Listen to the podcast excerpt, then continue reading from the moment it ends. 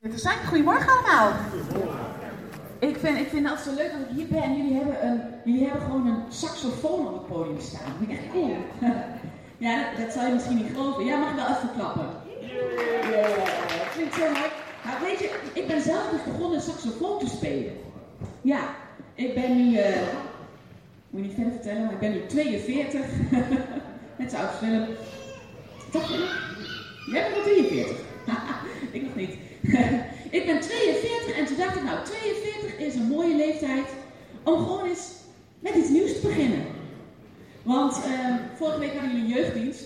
En, en, en, en, en, maar zijn wij nou echt oud dan, nu we hier zo zitten? Wie van jullie voelt zich een beetje oud?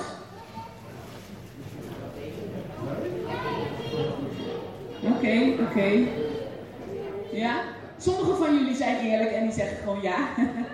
Kijk, wij hebben een huis vol tieners en dan gaat het vanzelf. Want die, die, uh, die geven heel vrijmoedige mening altijd. heel bemoedigend is dat. dus dan zeggen ze gewoon uh, tegen, mijn man vooral. En niet zozeer tegen mij, maar vooral tegen mijn man. Hé hey, pap, je bent gewoon oud, zegt ze dan. ja. Maar ja, hij is ook al 50 geweest, hè, dus dan krijg je dat. Ja. Goed, daar wil ik het helemaal niet over hebben vanmorgen. Sorry, over maar wij zijn eigenlijk nog niet zo oud. We zijn al jong genoeg om van alles te leren, toch? Dus ik ben nu begonnen om saxofoon te leren spelen. En als ik dan in mijn eentje speel, vind ik dat het best aardig gaat. Maar als dan iemand hier zo hoor spelen, dan denk ik, oh, oké, ik heb nog wat oefening nodig, maar het komt vanzelf. Niet helemaal vanzelf, maar het komt wel. Laat het houden. Wie van jullie is er oud genoeg om zich uh, Bassie en Adria nog te herinneren? Van de televisie. Wie kent Bassie en Adria? Wie van de kinderen kent Bassie en Adria? Kennen jullie Bassie en Adria? Zijn jullie nog steeds op televisie? Nee, dat niet meer. Nee, want Bassie en Adria zijn eigenlijk ook al heel oud. En als je dus Bassie en Adria nog kent van de televisie, ja, dan ben je misschien toch wel een klein beetje oud dan. Maar ik wil deze dienst vanmorgen openen met, of deze preek, met een liedje van Bassie en Adria. Dat is ook wel eens een keer leuk, hè? En dat liedje heet De Muis en de Olifant. Ik ga het niet zingen, leek me niet zo'n goed idee. Nee, ik hoor dat uh, Willem deze week gaat oefenen. En hij zal het volgende week nog een keer herhalen. Gaat hij voor jullie zingen. Daar ik aan hem over. Maar ik wil het graag voorlezen. Vinden jullie dat goed? Ja? Ja, je hebt ook niet keuze. Je moet er gewoon naar luisteren, dus dat scheelt. Het gaat namelijk zo. Een grote olifant en een kleine muis. Dat waren dikke vrienden. En die woonden samen in een huis. Op een dag gingen ze wandelen en liepen ze over een brug. De olifant liep langzaam en het kleine muisje dribbelde vlug. De olifant die stampte en de muis keek op en zei: Wat zijn we toch aan het stampen? Wat een herrie maken wij! Op een mooie dag gingen ze naar het strand, die kleine witte muis en de grote olifant. Ze huurden een cabine, ze kleden zich snel om. Het muisje was het eerste klaar, dook in de zee en zwom. Daar ben ik nu daar. De olifant die riep hem terug en zei: Wat heb jij? Die zwembroek die je daar aan hebt, die zwembroek is van mij. Kunt je je voorstellen? Jullie zijn echt beelddenkers, of wel? Ik zie het helemaal voor met het plaatje. Ja. Ze waren ook sportief, die muis en olifant. Ze werden opgesteld voor een voetbalinterland. De muis gaf een voorzet, de olifant een schop. Maar hij zag het muisje niet en stond er bovenop. Toen de muis op de brancard lag, had de olifant berouw. Maar de muis zei: voor hetzelfde geld, dan trapte ik op jou. Met die muis en olifant gebeurde er altijd wat. En dit is denk ik Bassie die dit schrijft. Ik dacht, ik maak een liedje. Een leuk liedje lijkt me dat. Ik wilde het gaan schrijven toen er werd aangebeld. Ik deed de voordeur open en wat zag ik? Ik stond versteld. Het was de dikke olifant met die lange snuit. Hij blies een beetje hard en het liedje was hard. Exact. Ja, een liedje van Basje en Adriaan. Een grappig liedje natuurlijk. Maar het gaat me vooral om het eerste stukje over die muis en die olifant die samen over een brug liepen. En dat de muis dan tegen de olifant zegt: Wat stampen wij hard, hè? En dat verhaal dat deed me denken aan een verhaal uit de Bijbel. En nu uh, begint het serieuze deel van de preek. Dan weet je dus pas. En ik wil met jullie een klein stukje lezen uit Jozua. En Jozua kreeg een hele bijzondere opdracht van God. En dat staat in jo Jozua 1, vers 6. Daar zegt God tegen Jozua, Jozua moest luisteren, wat je ook doet, Wees sterk en moedig. En deze preek gaat over sterk en moedig. En iedere keer als ik sterk en moedig zeg, dan doen jullie even zo. Ja, sterk en moedig. Kun je dat? Zo? Kun je dat, Noah? Ja, jij bent heel sterk, hè? Sterk en moedig. Dus, Jozua kreeg van God de opdracht en God zei tegen Jozua, wees sterk en moedig. Wees sterk en moedig. Wie van jullie heeft ook wel eens een woord van God gehad? Ja, sommigen van jullie zeker wel, hè? Wees sterk en moedig. En als je zo'n woord van God krijgt, krijg je dat nooit voor niks. Toch? Dan weet je, als je dat woord van God krijgt, dat je die kracht ook nodig hebt. Dat je ook moedig moet zijn. En dat geldt voor Jozua. Weet jullie wie Jozua was? Weet je wie Jozua was? Nee, Jozua is echt een verhaal voor jou, Noah. Want Jozua was namelijk de baas van het volk Israël. De baas, ja, de baas zijn. Jozua was de baas van het volk Israël. Hij was door God aangesteld om het volk te leiden. Maar dat was best wel een beetje een moeilijke opdracht. Want voor Jozua was er iemand anders. Weet jullie wie dat was? Bijna goed. Mozes. En Mozes was een hele grote, goede leider. En alle Israëlieten luisterden naar Mozes. En die wisten ook, als Mozes iets zegt, dan moeten we goed opletten. En toen kwam jo Jozua. En het is best wel moeilijk als je, als je een leider op moet volgen die een hele goede reputatie heeft. En dan kom je daar als een Jozua, een jonger iemand. En dan moet je die, die, die schoenen van je voorganger moet je vullen. En dat was best moeilijk voor Jozua. En dan niet alleen, Jozua kreeg ook nog eens de opdracht van God om dat hele volk Israël, om die het beloofde land binnen te brengen. Nou, dat klinkt mooi of niet? Dat je geroepen bent door God om nieuw land in te trekken en het volk mee te nemen. Alleen in, in dat land waar ze naartoe moesten, daar woonden ook nog andere mensen. En die mensen moesten eerst weg. Ze moesten oorlog voeren, ze moesten dat land innemen.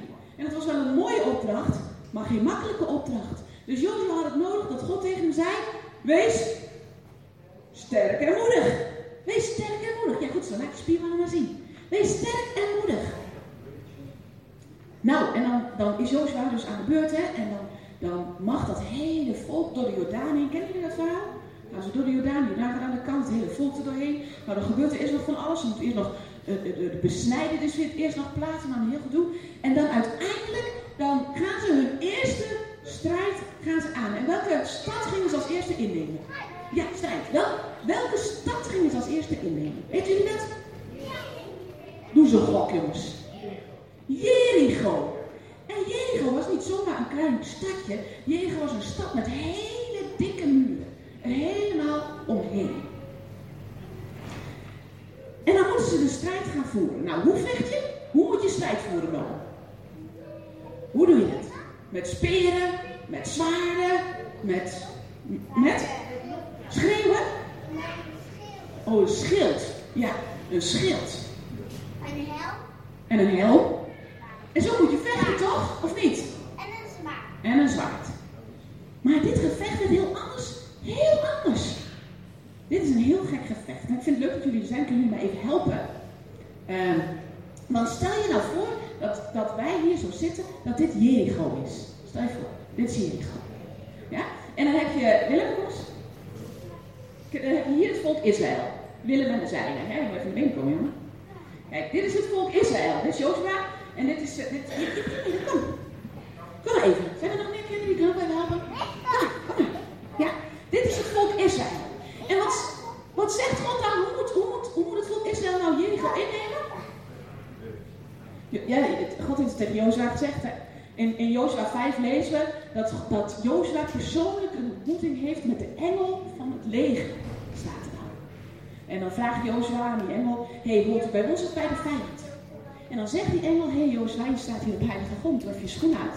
Je hebt nog schoenen aan vandaag. Dat is echt bijzonder. Schoenen uit. En dan heeft Jozua eigenlijk een soortgelijke ontmoeting met God, zoals Mozes dat ook had. En in die ontmoeting met God hoort Jozua de opdracht. Jozua, je moet Jericho innemen en je moet, je moet iedere dag een rondje om Jericho lopen. Nou, gaan we lopen jongens. Een rondje om Jericho. Oh. Ja? Een rondje om Jericho. En die mensen in Jericho, hè, die waren hartstikke bang voor de Israëlieten. Want die hadden al van alles gehoord over hoe ze in het verleden al, al gevochten hadden, klein volkje. En iedere keer ze de overwinning. Dus die, die mensen in de stad, ja, sommigen zijn heel snel, die waren hartstikke bang voor dat volk Israël. Maar dan gaan ze dus de strijd in. En weet je wat er dan gebeurt? Mensen in Jericho, die denken, oeh, dan gaat gebeuren, dan gaat gebeuren. En dat gekke volk van Israël, alleen maar een rondje om de stad Jericho. Op de eerste dag één keer. En weet je wat er gebeurt met Jericho? Hoeveel stenen zijn er al afgebrokkeld van de muur, denk je? Nee, geen één, helemaal niks. Er gebeurt helemaal niks. Maar goed, dan komt de tweede dag. En weet je wat ze dan moeten doen? Nou, ze moeten weer een rondje lopen om Jericho. Ja, weer een rondje lopen. Ja. En, en die mensen in die stad die denken, nou ja, ja weet je, als dit alles is, weet je, dus die, die raken langzaam een beetje opgelucht.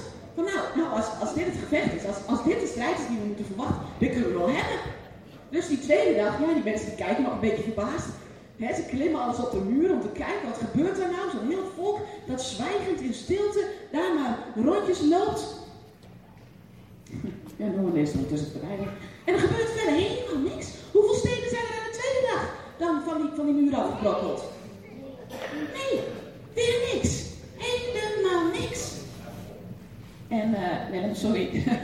maar dan komt de derde dag. En dan moeten ze weer een rondje lopen. En ik kan me voorstellen dat dat volk van God langzaam begint te denken, ja hallo, zijn wij hier nou een soort van clown of zo? En lopen hier iedere dag maar rond in die stad, er gebeurt niks. En die mensen in Jericho, die staan op de muur en die beginnen al een beetje te doen. Moet je kijken, zeg, zie, zie dat dan? Ze lopen maar. Is dit nou een volk dat strijden kan, zeg? Ja. En aan het einde van die derde dag, hoeveel stenen zijn van de muur gebrokkeld? Nee, niks. En zo gaat dat dagen achter elkaar. En je kunt je voorstellen, tenminste ik kan me voorstellen, dat er, dat er wat gebeurt in het hoofd van het volk. Want ze mogen helemaal niks zeggen tegen elkaar, dat was ook wel slim van God. Want anders waren ze misschien elkaar vast niet gaan bemoedigen. Hadden ze gezegd, ja we zijn er al helemaal precies mee bezig. Wat stelt dit voor? Wat, wat zijn we eigenlijk aan het doen? Geen idee. Geen idee, jij bent koos je hebt de opdracht tegen God. En uh, Jericho. We gaan Jericho in. Maar zie zelfs Jozua zelf begint een beetje aan te twijfelen. Wat zijn we hier nou aan het doen? En de, de, de strijd om Jericho, dat is dus geen strijd van zwaarden, van schilden, van gevechten één op één. De strijd om Jericho vindt vooral hier plaats, kan ik me zo voorstellen. Ik weet niet precies hoe lang het duurde om een heel rondje om de stad Jericho te lopen. Maar dat doe je niet in een kwartiertje. En al die stappen die ze in stilte moesten zetten, hadden ze tijd om na te denken. En de strijd om Jericho was vooral een strijd die plaatsvond in het denken. En dan breekt, ik zal even een paar dagen overslaan voor jouw gemak. Dan breekt de laatste dag aan. En op die laatste dag gaan ze niet één keer om de stad, maar hoeveel keer? Ja, zeven keer. Nou hoef je niet zeven rondjes te lopen. We beginnen even bij de zesde keer. Ja? Bij het zesde rondje. En dan lopen ze weer dat rondje. En ze hebben al vijf rondjes gelopen. En op de muur van Jericho staan alle mensen. En die nachten, joh. En die schelden ze uit. En ze roepen allemaal naar jullie stelletje idioten. Wat zijn jullie toch aan het doen? Zijn jullie wel goed wijs? Weet je dat hier van onder de indruk komt? Jongen, dit stelt niks voor. En zo ging dat, hè? Zo ging dat. En het zesde rondje, ja, weer niks. Weer niks. Dan moeten ze nog één rondje lopen. En dan vraag ik me af, jongens, hebben jullie nog een beetje zin in om nog een rondje te lopen? Nee. Nee, nee, wat denk je nou bij jezelf? Ben ik aan het doen? Lopen. Ja, lopen, weer lopen. Nog meer lopen. Wil je nog een rondje lopen? Ja. Duizend. Eén rondje nog. Eén rondje. Nee, één. Duizend. Duizend. Duizend, nee, één rondje. Duizend. Eén rondje nog. Duizend. Ja, maar let op hè, want nu gaat het gebeuren. Ja, ze zijn nog wel enthousiast. Eén rondje nog. Eén rondje nog. En die mensen op de muren van Jericho hadden het al lang niet meer verwacht. Maar dat laatste rondje, dat doet het. En de muren van de stad, wat gebeurt er met de muren van de stad? Kapot. Ja, storten in. En dan geeft God de overwinning. Dankjewel voor jullie hulp. Jullie mogen wel weer gaan zitten. Ja?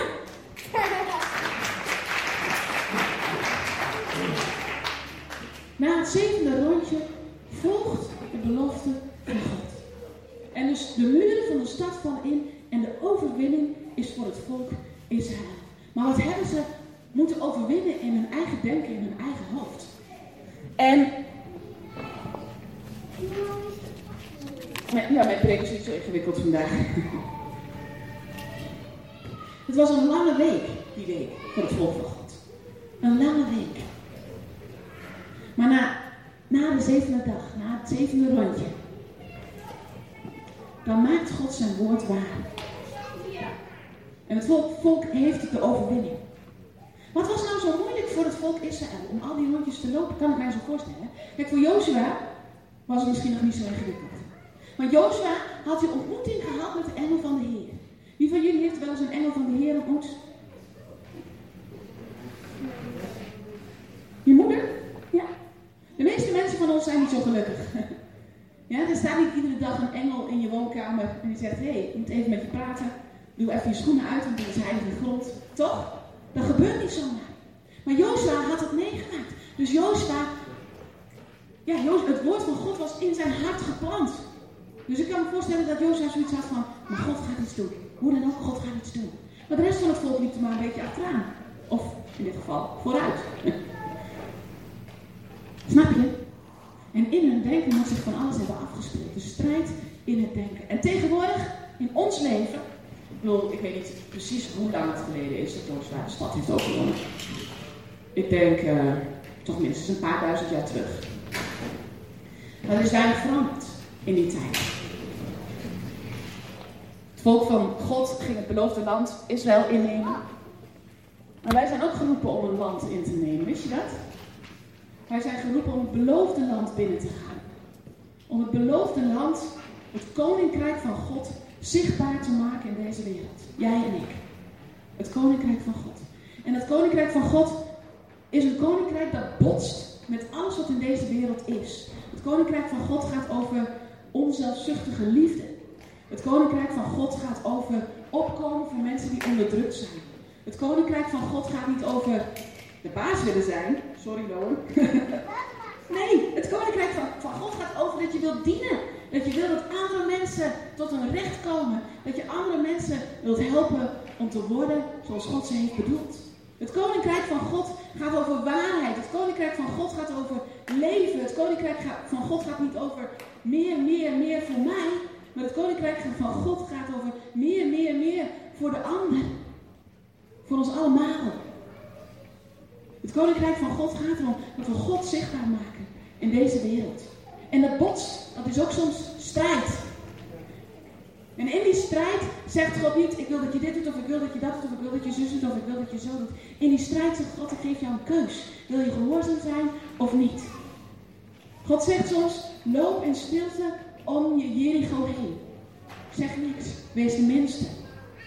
Kies ervoor om lief te hebben. Ook al snapt niemand waar je mee bezig bent.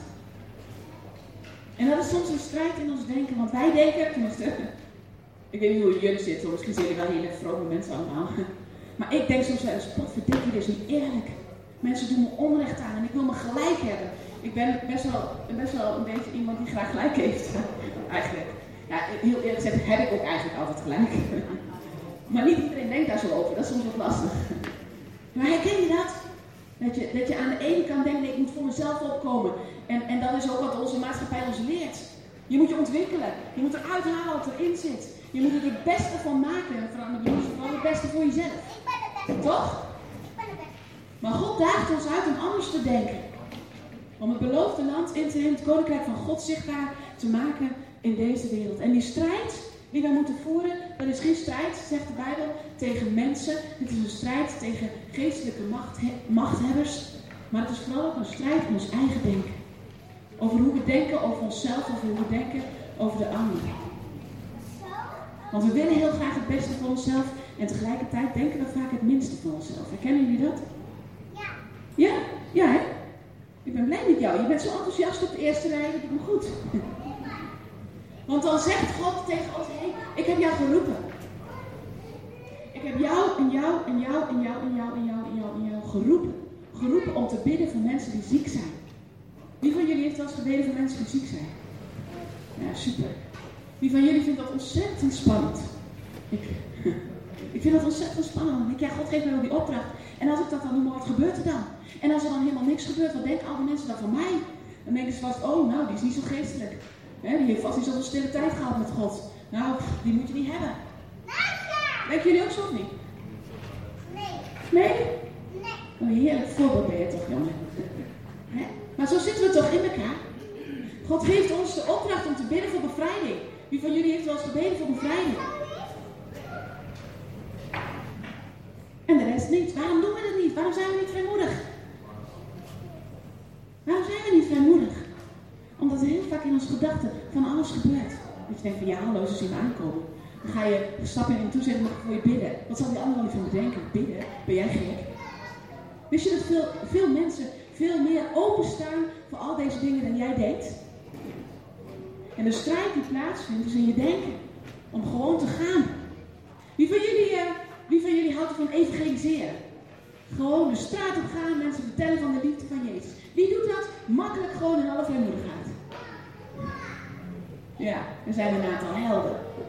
Maar de meeste van ons, wij denken dan toch, van, ja, dan loop je door de straat en dan zie je iemand anders en denk je... Weet je, soms loop je door de straat en dan zie je mensen en dan zie je mensen en... Ik heb dan soms, dan, dan kan je gewoon het, het verdriet van ze af zien spatten. Heb je dit ook wel eens? Dat je denkt, nou, die mensen, die hebben echt de liefde van Jezus nodig. Eigenlijk weet je dat van binnen. En toch stap je er niet op af om ze te vertellen over die liefde. Herkennen jullie dat of niet? Nee? Ja. En toch is dat eigenlijk wat God tegen ons zegt. Ga heen en maak alle volken tot mijn discipelen. Laat ze horen wie ik ben. Laat ze zien wie ik ben. Laat ze voelen wie ik ben. En een van de belangrijkste opdrachten in het evangelie is misschien wel dat God tegen ons zegt dat we moeten zorgen voor de weduwe en de wezen. Toch? Ergens in het Oude Testament staat dan van, hè, de ware godsdienst is zorgen voor de weduwe en de wezen. Opkomen voor de mensen die on onderdrukt worden. Voor recht en gerechtigheid. Ik ben uh, bij ons in de kerk uh, onder andere tienerleider. En één keer in de twee weken op vrijdagavond hebben we dan een tieneravond. En dat, ik, dat vind ik zulke mooie avonden. Tieners zijn mooie mensen. Wist je dat? Ze zijn nog zo onbevangen, zo eerlijk ook. En toch zitten ze ook wel zo op dat randje waar wij ons ook vaak op bevinden. Met hun twijfels en hun vragen en hun angsten. En bij ons uh, uh, op de tieneravond ging het de afgelopen weken veel over, nou, over hoe ben je in de groep, wie ben je. Uh, het ging over pesten, over erbij mogen horen. En we hadden een gesprek met de tieners over pesten. En een van de tieners bij ons in de tienergroep wordt enorm gepest, iedere dag op school. En een aantal andere tieners zitten bij haar in de klas, dat wist ik. Dus uh, we breken de groep dan eens op in kleine groepjes. En ik zat met een aantal jongens die bij het meisje in de klas zaten. Zat ik in het groepje ik vroeg ook aan hen. Ik zeg, wat, vinden jullie daarvan? Hè? Dat er gepest wordt op school. En dat het ook bij jullie in de klas gebeurt. Ja, dat ik allemaal helemaal niet goed. Nou, dat is natuurlijk ook het, het goede antwoord op een tieneravond, hè, dat je dat vindt. Want de Bijbel leert anders en dat weten ze heel goed. En toen vroeg ik aan hen, maar wat doen jullie dan? Weet je, wat, wat doen jullie dan als je ziet dat er een meisje in je klas gepest wordt? En toen was het, vond ik heel mooi, was een van de tieners heel eerlijk en die zei, ja, ik zou daar soms wel wat van willen zeggen, maar ik durf het niet.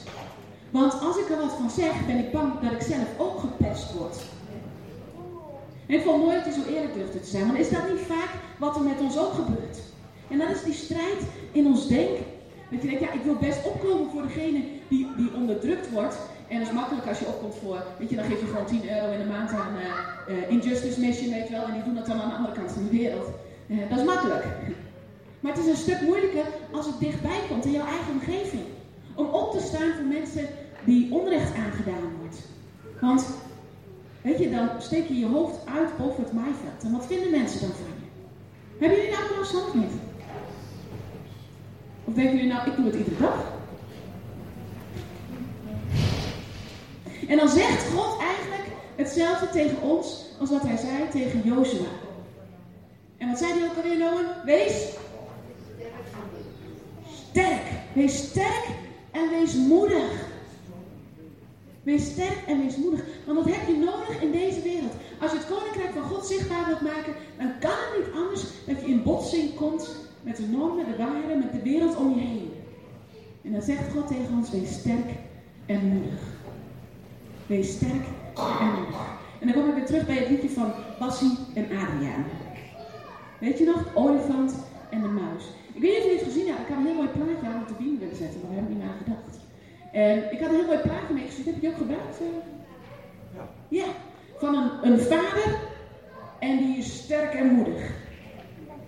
Jij bent ook heel sterk en moedig. Zo. Maar jij bent nog geen vader, dus dat is een beetje het probleem. ja, wees sterk en moedig. En dat plaatje, en dan zit er een, een jochie zit op de schouders van zijn vader. En het jochie doet ook zo.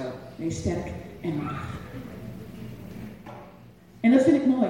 God zegt tegen Jozua, en ik wil het even voorlezen, gaat Jozua 1, vers 6.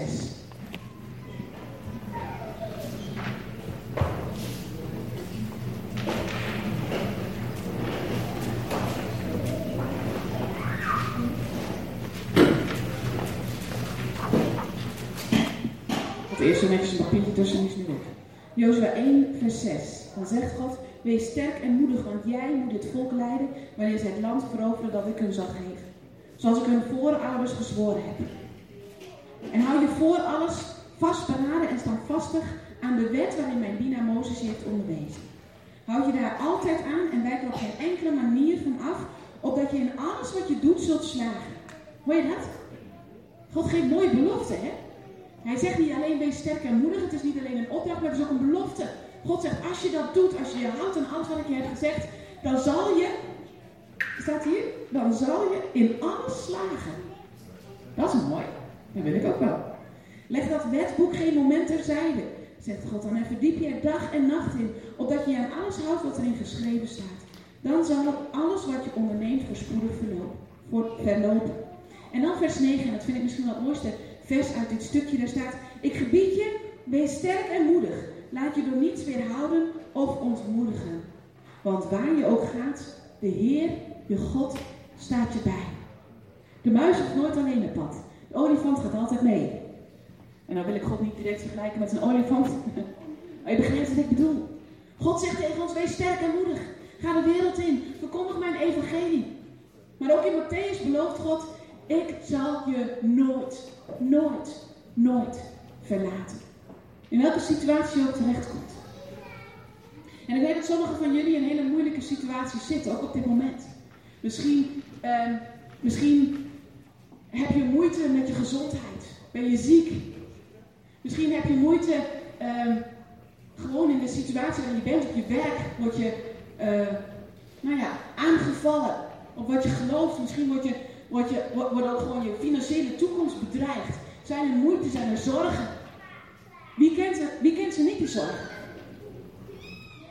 En misschien ehm, is het al wel de zoveelste keer dat je in een moeilijke situatie terechtkomt en heb je eigenlijk de hoop een beetje opgegeven. Zijn er mensen die de hoop wel eens opgeven? En die zegt, ja, het is mooi wat God allemaal belooft, maar wat moet ik ermee? Wat kan ik ermee? Weet je wel hoe moeilijk mijn situatie is?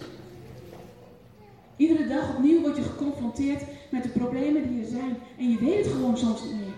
Wat moet je zeggen? Wat moet je doen? En voor sommigen van jullie hier lijkt de toekomst, de dagen die voor je liggen, donker. En dan denk je misschien, ja heer, ik ben al 1, 2, 3, 4, 6, 7 keer om mijn Jericho heen gelopen. Wanneer gaat u de overwinning nou eens geven? Wanneer komt het nou eens? Dat moment dat ik, dat ik, dat ik uw doorbraken zie. Misschien bid je al jarenlang voor je kinderen, voor je familie, voor je vader, voor je moeder, dat ze Jezus mogen leren kennen. En je ziet maar geen beweging. En je situatie lijkt hopeloos. En dan, en dan loop je nog een keer, 8, 9, 10, 11 keer om Jericho heen. En je houdt maar vol, en je houdt maar vol, en je houdt maar vol.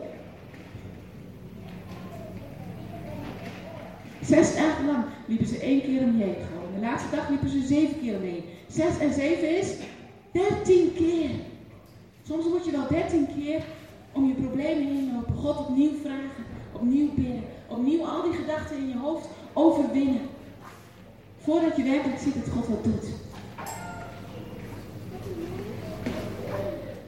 Geloof jij na al die keren nog dat God overwinnaar is? Dat je het gaat zien? Ik heb zo vaak gebeden bijvoorbeeld voor zieke mensen en dan gebeurde er niks. En, ik, en iedere keer als ze me dan weer vroegen of ik wilde bidden voor de zieken, dan dacht ik, oh heer, echt, ik heb hier geen zin in. Ik heb hier geen zin in. En iedere keer als ik het doe, gebeurt er niks. En het is zo ontmoedigend. En toen was ik een keer op een vrij zijn zomerweek en een van onze teamleden We gingen dus bidden voor de zieken en dat vinden ze altijd leuk. Dan moet iedereen, wordt iedereen daar ook in betrokken. Dus dan mogen alle zieken gaan staan en dan mogen de mensen bij de zieken gaan staan. En dan wordt aan de deelnemers van de conferentie gewoon gevraagd: wil je bidden voor de zieken? En eh, ik vind het, ja, ik, ik kan niks doen, ik heel spannend. Dus ik dacht, weet je wat, ik zag dat een van onze teamleden, dat hij, eh, dat hij eh, ook ging staan. Ik dacht, ik ga veilig bij haar staan, dat is nog een beetje, weet je wel, veilig. Snap je? Gek hè, hoe dat soms denkt, dat werkt in je hoofd. Want dat maakt natuurlijk helemaal niks uit. Maar ik ging bij haar staan en ik hoefde niet te vragen waar we, waar voor moesten bidden. Ik moest gewoon gaan bidden, dus ik ging voor haar bidden. En in één keer, in één keer rent die vrouw weg. Ik schrik me. Ik dacht, nou zie je wel, ik kan het ook echt. Ze is die, die, die, die, vrouw vindt het zo verschrikkelijk. Ze wilde niet eens naar luisteren. En ze rende naar achteren naar de zaal en dacht, gebeurt er toch? En, en, en ze, ze liep heen en weer en achter het mengpaneel zat haar zoon en ze liep naar haar zoon en ze begon met te praten. En op een gegeven moment liep ze terug naar voren. En meestal had ik wel zoiets van, nou ja, weet je, laat het maar, ik ben er niet meer, weet je wel zo. Ken je dat gevoel niet? maar ik dacht, nou laat ik eens moedig zijn. Moedig. Sterk. Nou hoor, sterk. Ik dacht, laat ik eens sterk en moedig zijn. Dus ik liep naar die vrouw en zei, wat gebeurt er toch? Gaat het wel goed met je? En toen zei ze, gaat het wel goed met me? zei ze, ik kwam hier binnen en ik kon geen kant op, ik had een hernia, ik kon niet, niet op of neer, ik kon niet lopen, ik kon me nauwelijks bewegen. En je begon voor me te bidden en God raakte me aan. En, en kijk, en ze begon weer te rennen. Ik dacht, ik nou even stilstaan. En ik, maar ik was zelf zo verbaasd. En weet je, dat schokte me eigenlijk. Want ik ben dus gaan bidden voor haar. En eigenlijk had ik helemaal geen verwachting meer dat God nog iets zou doen. En toen in één keer onverwacht, los van mij, deed God in haar leven een. En weet je, dat zet me echt aan het denken. Oké, misschien heb jij de hoop opgegeven. Misschien bid je nog voor je familie, voor je kinderen, voor je ouders. Heb je helemaal geen geloof dat God ooit nog wat gaat doen. Zou goed kunnen. En weet je wat ik dan zo mooi vind aan God? Dat hij dan gewoon soms zo lief is. Dat als jij je hoop verloren bent. Dat als jij eigenlijk helemaal geen verwachting meer hebt en er niet meer in gelooft. Dat God het dan toch doet. Dat God het dan toch doet.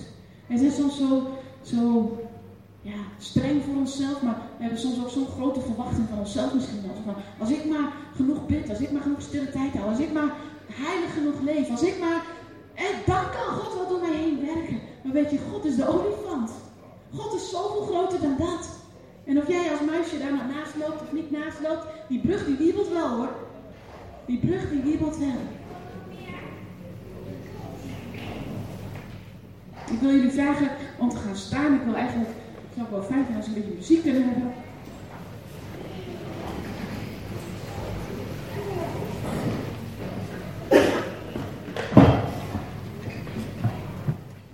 Wie van jullie heeft wel eens in zo'n situatie gezeten dat je geen hoop meer had, dat je geen verwachting meer had?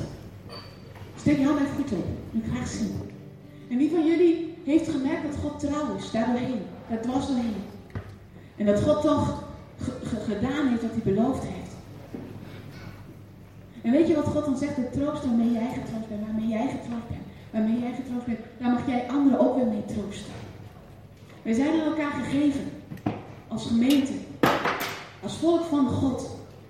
En we zijn geroepen om samen dat koninkrijk van God zichtbaar te maken. misschien heb je soms het idee dat je er alleen voor staat. Maar kijk eens links. En kijk eens rechts. Dit zijn de mensen die samen met jou strijden. Soms samen met jou in stilte rondom Jericho lopen. We hebben allemaal dezelfde opdracht gekregen. En ook vandaag zijn er mensen die de hoop verloren hebben. Die gewoon niet weten hoe het verder moet. Je zit in een moeilijke situatie. En je wil zo graag dat je leven anders zou zijn dan het is, maar het is zoals het is. En sommigen van jullie zijn al geroepen om het koninkrijk van God op een bijzondere manier te dienen. En God heeft je beloftes gedaan. Maar de vervulling van die belofte blijft uit. En dat is soms ontzettend moeilijk. Dan moet je wachten. Dan moet je in stilte rondwandelen. En dan denk je bij jezelf, hier waar dan, hoe dan, wanneer dan? Wanneer mag ik nou? Waar gaat er een deur open? Misschien ben je zelfs al een beetje de moed aan het verliezen. Dat je denkt, ja, het zal wel.